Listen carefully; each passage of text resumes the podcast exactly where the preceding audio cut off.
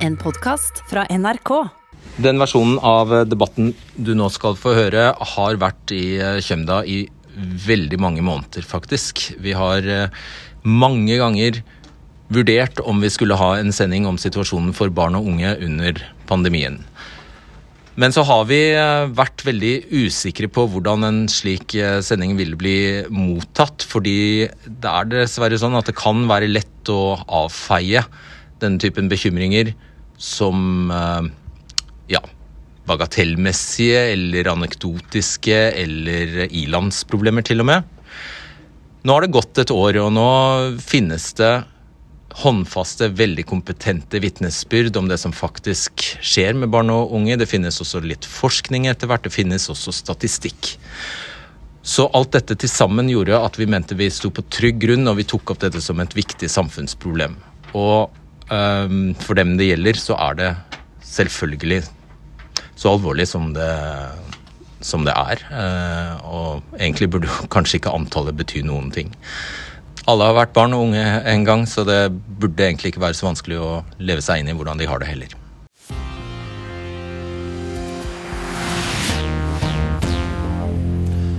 Har lagt merke til det samme som meg? At politikerne snakker som mer eller mindre begavede poeter? På pressekonferansene sier de alltid 'vi prioriterer barn og unge, vi skjermer dem'.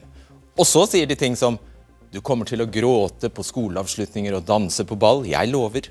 Andre gangen sier de vi ser sola litt lenger hver dag. Vi håper disse lettelsene vil bidra til å gjøre livene våre litt lysere hver dag. Og atter, andre ganger sier de for noen er ensomheten ekstra tung, meteren litt for lang.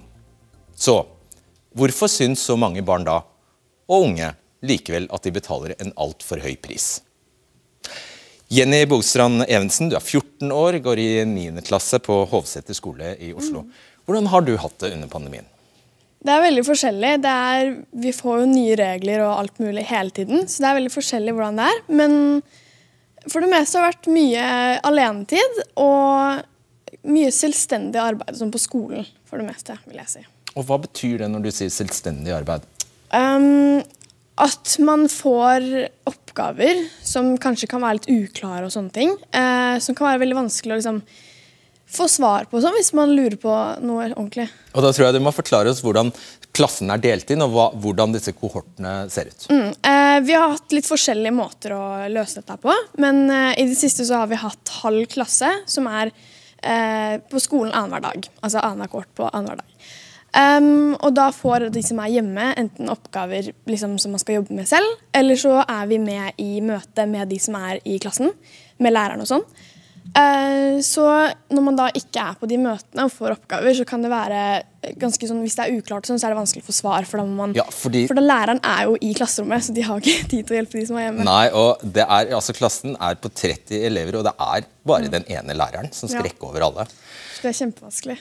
Det, det, skjønner vi. og når du da så rekker, rekker du opp hånda eksempel, hvis man er i et digitalt uh, møte. Da, det, da kan du risikere å vente lenge. Hvis man da er rastløs, utålmodig, egentlig ikke syns det er noe gøy, hva kan skje da? Da er det lett å liksom, hvis det ikke er noe man skal levere inn, eller noe, bare droppe det nesten. Eh, det er liksom det er mye lettere å gjøre sånt, eller å droppe det når man, enn når man er i klasserommet. For da følger lærerne med på hva alt du gjør, og du viser kanskje noe, du snakker sammen, det er diskusjoner. ikke sant? Da er man liksom med, men det er bare mye lettere å droppe det når man er hjemme. Det kan vi forstå. Og mm. to ord om kohorten. Det er ikke dere som har bestemt. Dere har ikke hatt noe valg. De har mm. bare satt en strek og delt klassen i to. Ja, Så da kan man, kan man, da risikere at man ikke har en eneste venn i kohorten? Ja, det tror jeg kanskje det er mange som syns er litt vanskelig. For meg så er ikke det akkurat liksom, eh, problemet. Men for mange som kanskje har for bare én en eneste venn de har det gøy med, så kan det liksom hvis man da blir satt i kohort med forskjellig, så bestemmer de da både hvem du er med på fritiden, at du ikke får lov til å være med på den personen, eh, hvem du er i frimøte med, jobber med, jeg vet ikke. Så det tror jeg kan være ganske vanskelig for mange. Er dere slitne?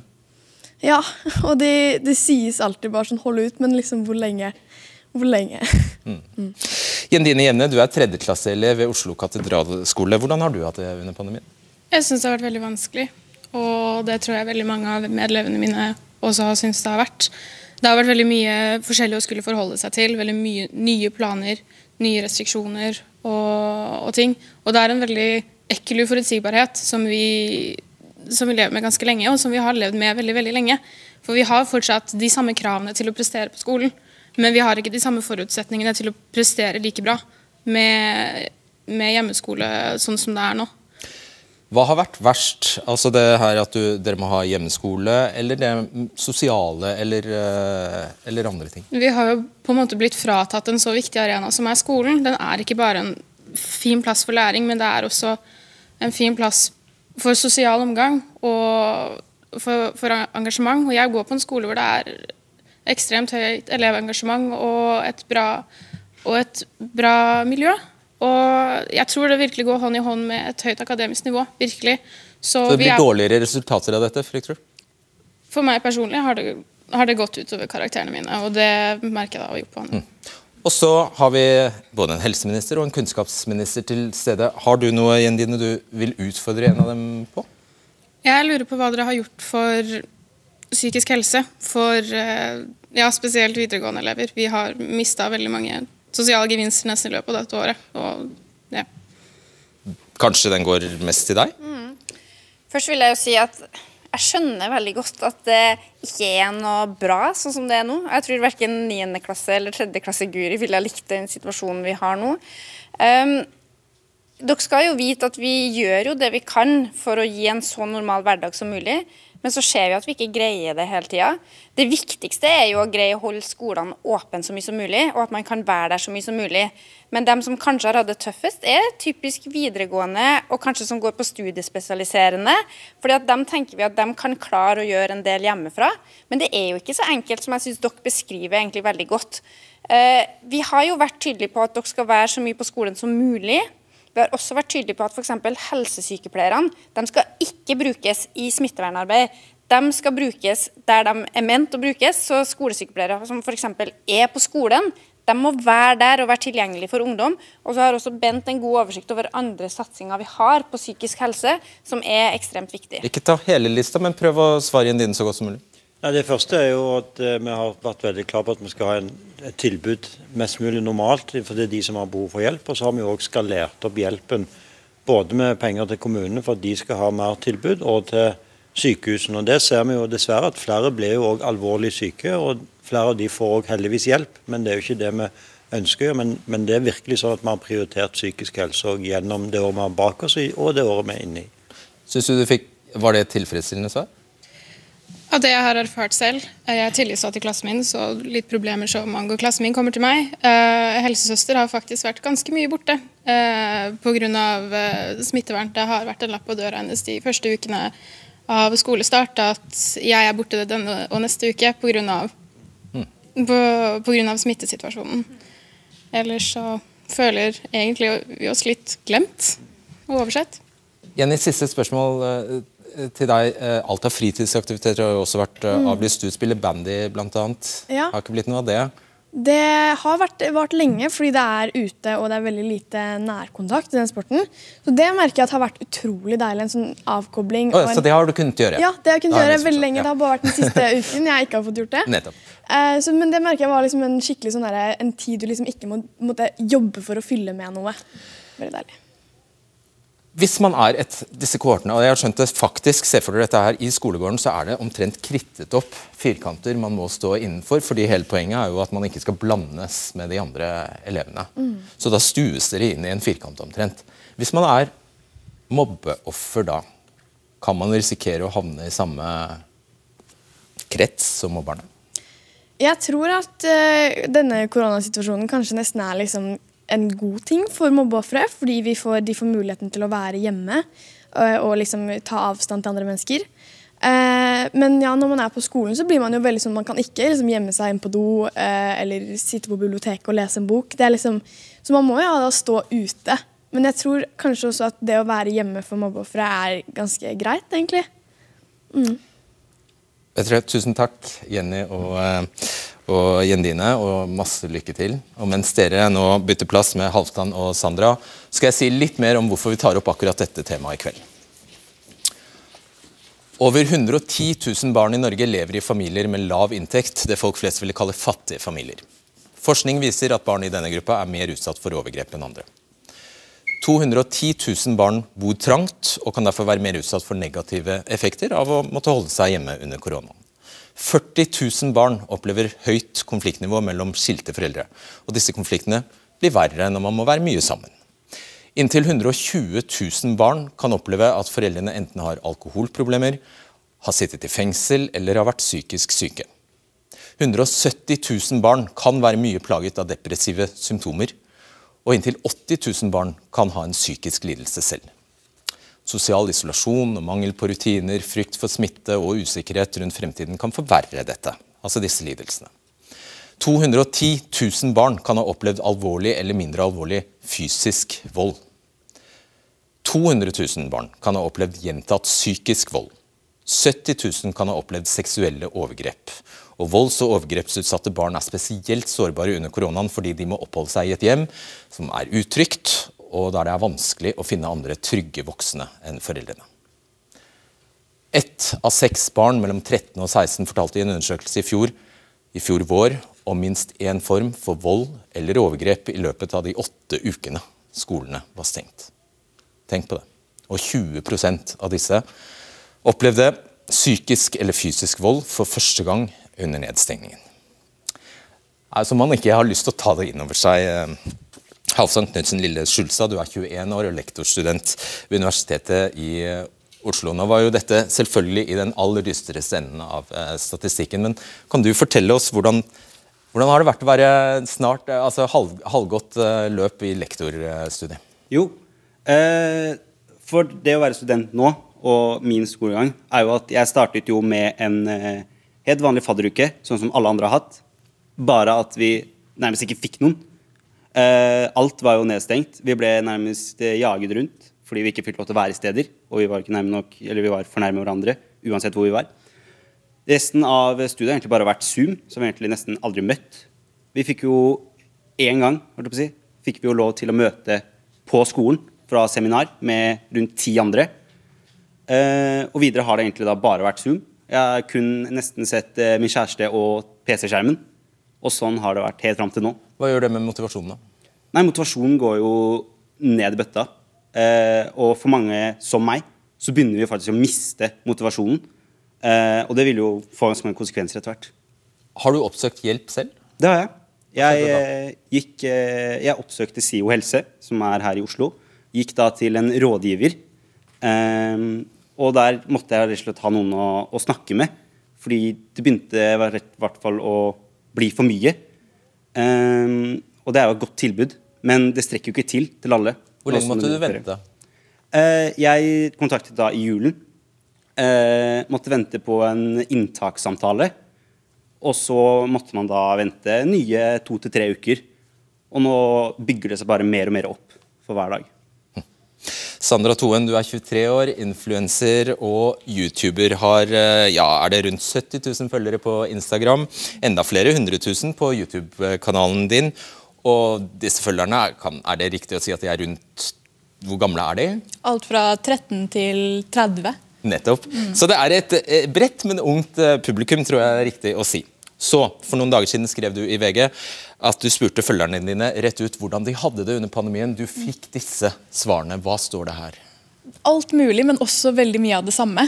Det går i mye av det samme. Ensomt, tungt. Noen skriver lengre, noen skriver kortere. Noen skriver rett og slett bare jævlig. Um, og det var eh, både overraskende, men også litt godt. Ikke føle seg alene. Ja, for Hvorfor vil du vite det?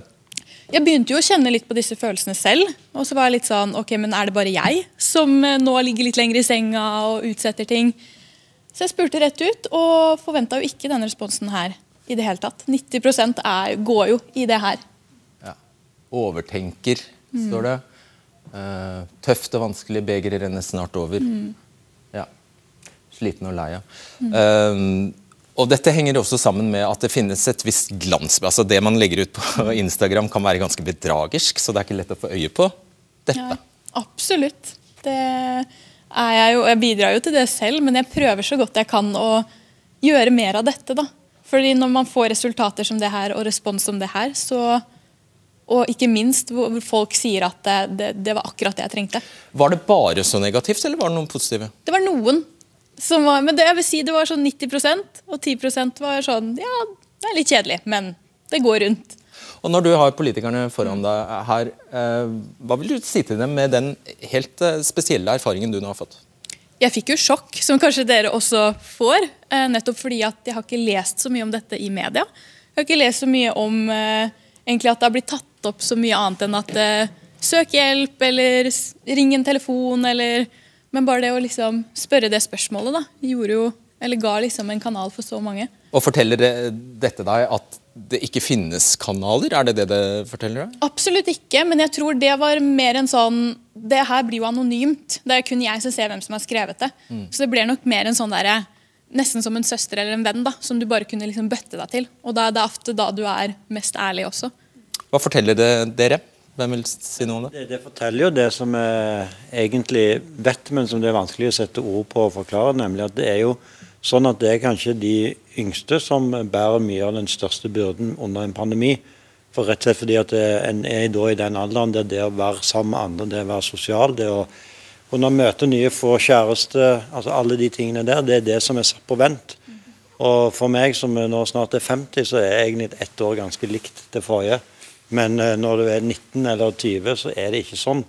Og Det er jo klart at det er jo ekstra vondt i forhold til at vi vet jo at dette, denne pandemien i seg selv er mindre farlig for den aldersgruppa enn for andre. Så det betyr at unge egentlig, tar et, egentlig et enormt eh, solidaritetsløft for de i samfunnet som ikke tåler dette så bra. Og så håper jeg det kan være en liten trøst i alt det som er vanskelig, at en faktisk er med på noe så, så viktig. For alternativet er jo dessverre mye verre, nemlig at vi får en høyere smitte med å stenge enda mer ned. og Det er det som alltid er så vanskelig. Du Halvdan, eh, nå er eh, polet åpnet igjen. Hurra, vil mange si. Eh, fra onsdag kan unge på Østlandet eller i disse kommunene som var strengest nedstengt, de kan dra på fritidsaktiviteter igjen, og, de, og toppidretten kan ha organisert trening. Hvordan syns du studenten, eller studentene da, egentlig har blitt prioritert oppi dette? Apropos det Høie nå sier. Nei, vi føler jo egentlig at vi ikke har blitt prioritert. Den lange listen som kom her, eh, er jo egentlig bare våre stemmer som prøver å komme oss ut. Eh, og holdt på å si, ingen av de prioriteringene som har kommet, har vi følt at treffer oss. Verken si, studielån, hvor man låner penger, eh, eller andre tiltak. Hvorfor skal si, 30 stykk på en videregående skole få lov til å møte, men jeg kan ikke møte meg selv, nærmest, på, på å si, lesesalen. Ja, du får ikke lov å, det, det er ikke lov for dere å gå på lesesalen. Nei, nei. Det er jo en selvfølge. Fordi Ja, det Ja, er det du noe egentlig det? Hvor, hvorfor skal... Du, vet du, jeg er helt enig. At, uh, jeg tror av alle så er det studentene som har hatt det verst. For nå, selv om vi nå har hatt en ganske tøff januar, tror jeg de fleste av oss, så har vi nå da fra i morgen greid å åpne opp for de fleste under 20. Og veldig mange av oss som er voksen og i familiesituasjon og sånn, vi, vi har det nå på en måte ok, men studentene detter litt mellom alle stolene her. For Ja, vi greier ikke å la gode nok Gjør noe, for det, for gjør noe med det, da, er jo Ja, poenget. og På fredag så kom vi med en milliard til studentene.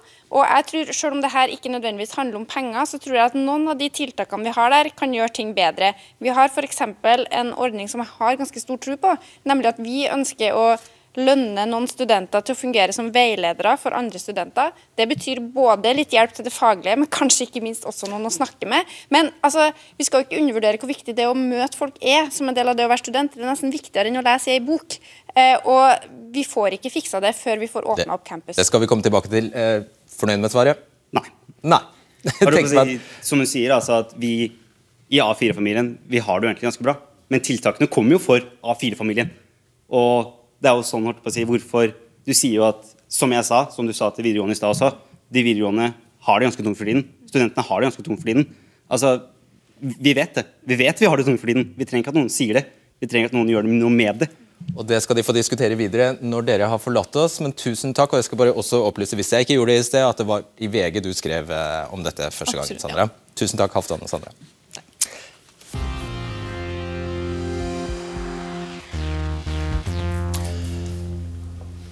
Uansett hvor mye de vil eh, påstå at de har vært med på å bygge dette landet, ingen som har vokst opp her, har opplevd det som barn og unge har gjennomgått det siste året.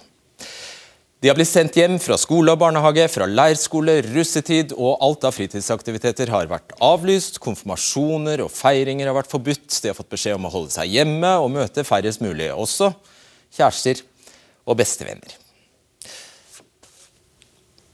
Marius eh, Sjømeling, generalsekretær i organisasjonen Barn av rusmisbrukere. Dere får også masse henvendelser fra barn og unge. Hva forteller de? Det som går igjen, er um, ensomhet, en følelse av isolasjon. Um, noen barn beskriver uh, følelsene og, og liksom tilværelsen nesten som at man er i et portforbud-lignende situasjon. Man er nødt til å holde seg hjemme for å ta vare på familien sin eller for å være hjemme og passe på. Uh, samtidig så skal man prøve å strekke til å ha et uh, normalt liv. Eh, og så er det også barn og unge som forteller i større grad nå enn tidligere, opplever vi, om at eh, helgekosen for mamma og pappa har flytta seg fra helga og mer på lunsjen i hjemmekontoret i ukedagene. For dagene glir over i hverandre? Dagene glir over i hverandre. og Det var en av eh, samtalene som jeg hadde for bare noen uker siden, hvor, hvor, det var en ganske ung jente som sa at det er merkelig hvordan alle de normale rammene er borte når man ikke trenger som voksen å gå på jobb. Da er plutselig alt privatliv og alt innenfor husets fire Tror du de har tenkt på alt det? Nei, det tror jeg ikke. tror ikke jeg heller, nemlig. Men hva, forklar oss, Trude Fiksdal, spesialist i barne- og ungdomspsykiatri og avdelingsleder ved BUP Vest. og Vi skal også legge til at det er, Oslo, eh, altså det er i Oslo, ikke, ikke, Vestlandet. Men du har lang erfaring fra klinisk eh, arbeid i barne- og ungdomspsykiatrien. Hvor viktig er skole og rammer som barn? Det er helt vesentlig for at barn og unge skal få en god utvikling. Barn og unge er jo utvikling, og de trenger da utviklingsstøtte. Og Den støtten den kan de selvfølgelig få hjemme, men veldig mye av den støtten den får de i skolen, i fritidsaktiviteter, i samspill med venner. Hvor de, eh, hvor de lærer å bryne seg, de får prøvd seg, og de utvikler seg både følelsesmessig og når det gjelder læring og også sosialt. Og Når er det aller viktigst? I hvilken aldersgruppe? Det er egentlig viktig hele tiden. Eh, det er viktig hele skoletiden fordi eh, man er i utvikling til man er 25. Og det er også viktig fordi det gir de rammene, den strukturen og den forutsigbarheten som barn og ungdom trenger. Og dere som fagfolk i BUP, hvordan merker dere at disse rammene nå for, forsvinner? Da? Vi merker det fordi vi ser en økt sykelighet. Eh, vi ser at det, det kommer f.eks. mye mer ungdom med spiseforstyrrelser. Det er en kraftig økning. Jeg har sjekket eh, kolleger i hele landet i dag, og alle rapporterer om en økning i spiseforstyrrelser. Sier du det? Mm. Ja, Bent Høie, Vi har vært i kontakt med hjelpetelefonene til både Kirkens SOS og Mental Helse i ettermiddag. I Kirkens SOS eh, sier de at pågangen nå er så stor at én av tre ikke kommer gjennom på telefonen. Og ved chattetjenesten til Mental Helse melder de om en femdobling av henvendelser som dreier seg om selvmord. Og 10 000 henvendelser snakker vi da om, faktisk, som handler om det. Dette Snittalderen på de som tar kontakt, er 21 år.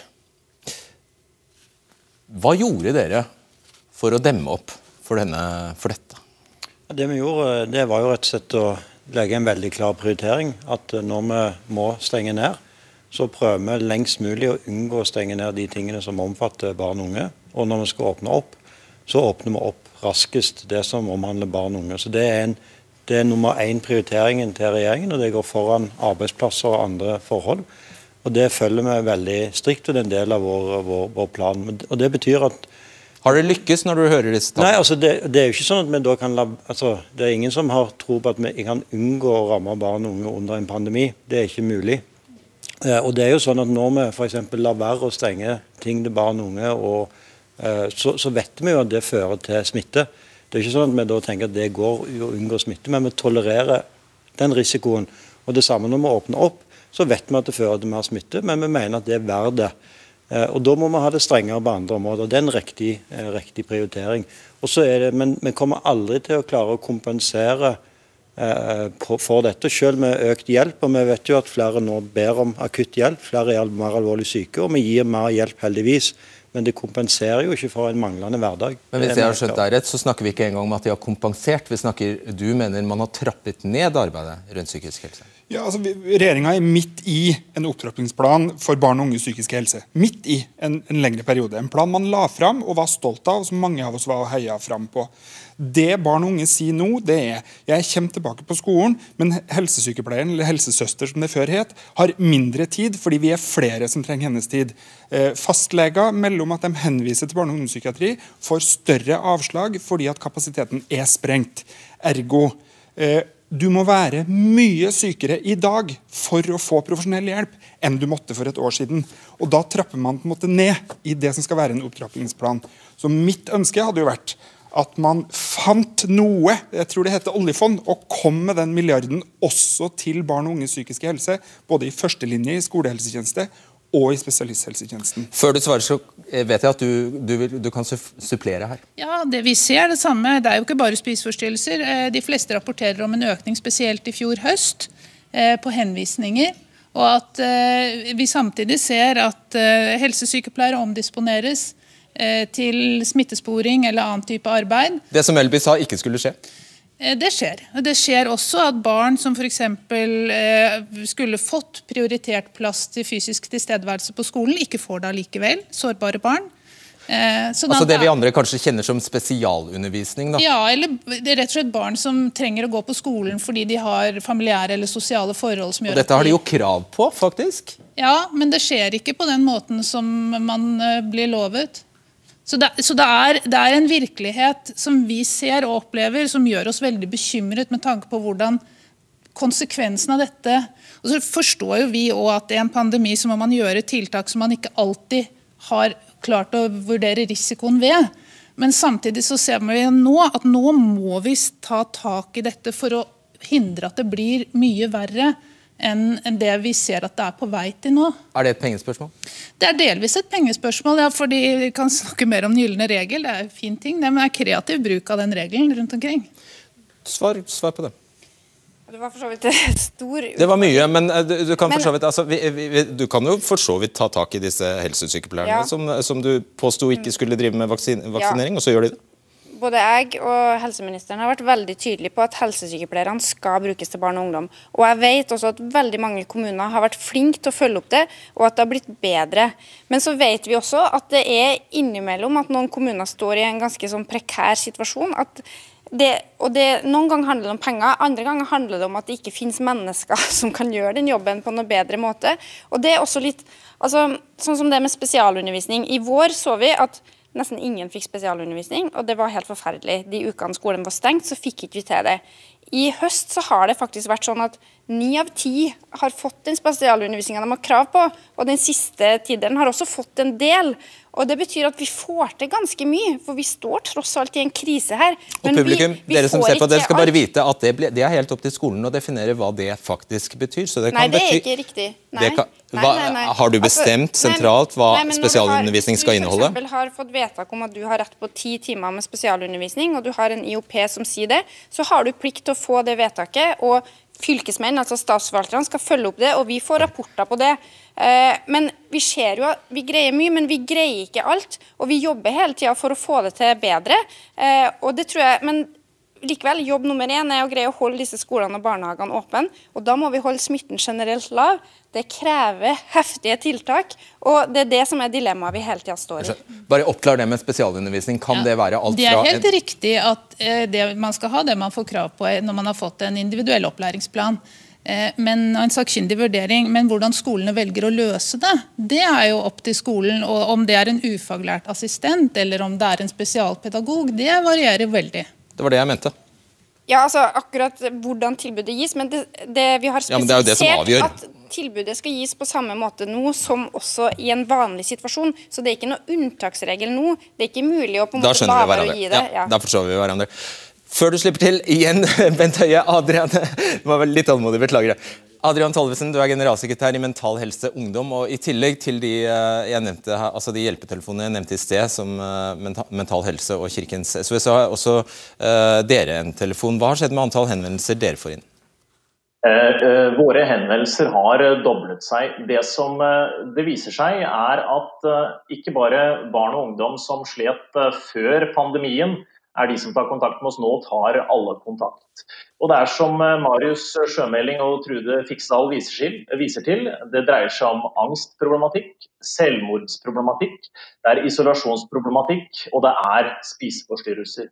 Og Det er jo noe av det som er alarmerende ved situasjonen sett fra Mental Helse Ungdoms side, nettopp at dette nå angår store deler av barne- og ungdomsbefolkningen. Det ble innledningsvis vist til at 80 000 barn og ungdom sliter med psykiske helseproblemer. Vi er bekymret for at vi står ovenfor en eksplosjon hvor dette tallet er langt høyere.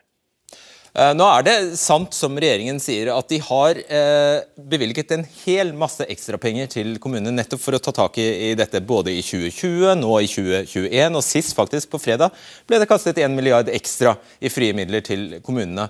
Hvordan kan det da handle om penger? Det som er litt viktig å si, og jeg syns Jenny og Jendine helt innledningsvis i programmet var inne på det, de føler seg litt glemt og forlatt, og helsesykepleieren var, var, ikke der.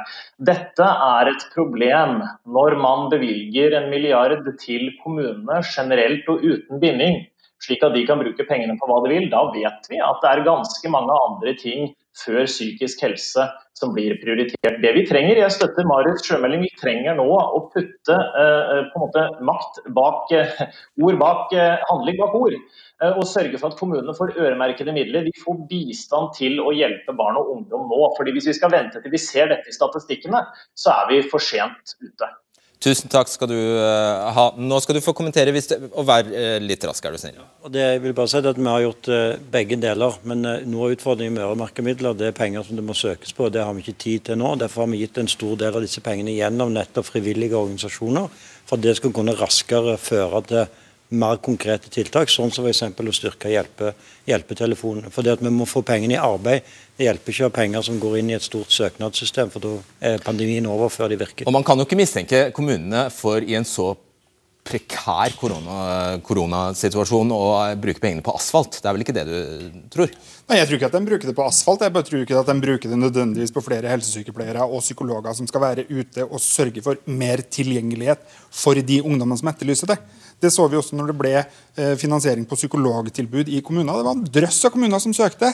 Det var langt fra alle som gjorde de psykologene tilgjengelig for barn og unge eller for andre sårbare grupper i sin kommune. Men det ble flere psykologer i flere kommuner i ledelsesnivå i kommunen. Så hvor, hvordan løste man det? Mitt forslag er, fordi at regjeringa har vært gode synes jeg, på krisetiltak og på gode planer på vaksinering, på pandemi osv., er å faktisk fullfinansiere den opptrappingsplanen med øremerkning de neste opptrappingsårene.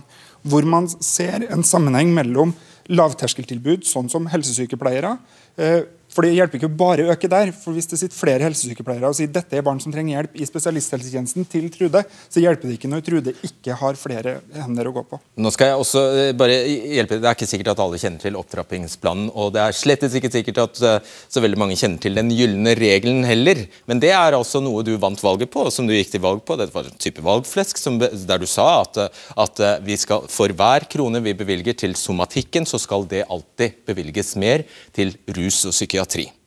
Det var liksom den regelen, du, den marsjordren du ga til helse, de regionale helseforetakene. Vet du hva fasit er nå? Nå har du sittet ved makten hva er det, snart åtte år. Mm. Vet du hvor, hvor, mange som har innfridd uh, den regelen? Nei, det, det, er ikke alle som har innfridd regelen. Det er helt klart. Nei, det er, eh, det, Da underdriver du. Nei. Altså, i, Ikke i noe år har et flertall av helse, de regionale helseforetakene innfridd regelen din. Men, eh, og det som er hele Poenget er at da må du stille spørsmål hva hadde resultatet at hvis de ikke hadde hatt en så klar styring ja, Men det var jo et løfte? Området. Ja, og det løftet er eh, innfridd i form av at det er et veldig tydelig krav. og Jeg tror ikke du møter én leder i noen sykehus i Norge som ikke har fått med seg hvor misfornøyd jeg er med at de ikke har result gitt resultater på det området. Men alternativet er jo fryktelig mye verre. Og det er også sånn at Vi har hatt en kraftig satsing på oppbygging av helsesykepleiere og psykologer i kommunen. Og Jeg tør ikke tenke på hva situasjonen vi hadde vært i nå hvis ikke vi hadde satsa på dette før vi hadde fått en pandemi. Da hadde vi vært mye verre ute å kjøre. Og så er jeg helt enig i det som nå trekkes fram, nemlig at dette er jo noe som vi kommer til å leve med i mange år framover. Og Det betyr at den satsingen som vi har starta på, den kan ikke være over når pandemien er over. Den er nødt til å fortsette. For langtidsvirkningen av dette skal barn og unge i Norge leve med i flere år, og da må de få hjelp. Og det, Når det gjelder den eh, gylne regel, vi heier jo på den. Vi syns den er kjempeflott. Eh, Det er bare det at den praktiseres eh, litt sånn kreativt. For det mm, vi får beskjed om, er at vi må øke aktiviteten vår mer enn de som driver med fysisk helse. Men vi får ikke noe mer ressurser. Sånn at eh, vi må gjøre mer. Det er jo juks. Ja, Det er en forståelse av den gylne regel. Innfri, den gylne regel er innfridd så lenge vi gjør mer enn det. Og det eh, Hvis jeg kunne fått et, Ja. et ønske så hadde det vært at man, man også påpekte overfor eh, helseforetakene at eh, man følger ressurser med. For De må vi- bruke mer penger, må det, den regelen nesten vi si. da, Sånn at de ikke bare jukser seg til å øke aktiviteten på Ja, men akkurat nå trenger vi mer fagfolk, faktisk. Visste du dette? Ja, ja, og Derfor er det et krav ikke bare om økt aktivitet, men òg om mer penger til den sektoren. Så det Løftet det er allerede innfritt, og regelen er òg tilpassa nå 2021, sånn at det ikke skal være mulig å omgå regelen fordi man er i en pandemi. Ok, det, du, skal få, det, du slipper ikke fullt så lett, du, eh, heller, fordi, for, fordi realiteten er at hvis man, eh, hvis man trenger hjelp fra deg, eh, så var det sånn før pandemien i 2019, så hadde du eh, ja, 58 dager ventetid. Og nå, har du, altså nå, nå er det rundt eh, fe- eh, 59, 63. Ja. Så det har økt marginalt. Men det betyr altså at to, to hele måneder må man gå og vente hvis man trenger hjelp fra dere. Ja, Det er en sannhet med modifikasjoner. fordi Hvis du virkelig trenger hjelp, så får du hjelp på dagen. Hvis du f.eks. har en psykoselidelse, så skal du ha hjelp etter en uke. Vi har en prioriteringsregel. Og det varierer også veldig fra sykehus til sykehus. og- Snittet, da, Ja. er det, Så, altså. men jeg er helt enig med deg at vi må jobbe med å få ned ventetiden vår. Og det gjør vi. Eh, Og der har vi et forbedringspotensial, så det har du rett i. Og da skal du få ti sekunder på å si hva ditt forbedringspotensial er. Men det er viktig å huske på at dette er en bred helsekrise, og det er ikke bare en pandemi som er et virus, det er også ikke minst en psykisk helsekrise. Og jeg håper jo at vi kan ha minst like rause valgløfter som det Bent ga forrige valg. Og det er ingen tvil om at vi er nødt til å ha et ordentlig løft for satsing på psykisk helse blant barn og unge, også i neste periode. Takk skal dere ha. Tusen takk. Debatten takker for følget i kveld. Vi ses torsdag. Ja, Denne debatten angår jo slettes ikke bare de som er direkte berørt eh, av barn og unge. Alle sitter vel egentlig nå med en følelse av at vi bare er møkkalei. Eh, Og eh, derfor så har det jo overføringsverdi, det, man, det vi diskuterte i kveld, til alle, alle grupper i samfunnet, vil jeg tro. Jeg, jeg personlig er glad for eh, Jeg fryktet jo selvfølgelig, jeg så jo på forhånd at eh, her var det alle mulige anledninger til avstikkere inn i et eh, fagland som er lite tilgjengelig. Det var et øyeblikk der snakk om opptrappingsplan og den gylne regel. altså termer som ikke er kjent for folk flest. Men jeg tror faktisk ikke at vi ble sittende igjen og måpe og gape. Eh, vi fikk forklart det meste som ble håndtert eh, der, og forhåpentligvis så fikk vi også med oss at eh, hvor komplekst dette systemet er, og hvor ikke minst hvor lite hastig man kan endre det hvis man har ønsker om det. Fordi det dreier seg dessverre ikke bare om penger, det handler også om personer, og at det er mangel på det. Ressurs, altså kompetanse. Så det er vanskelig. Vel, eh, takk for at du hører debatten på podkast. Så høres vi igjen om bare to dager. Du har hørt en podkast fra NRK. Hør flere podkaster og din NRK-kanal i appen NRK Radio.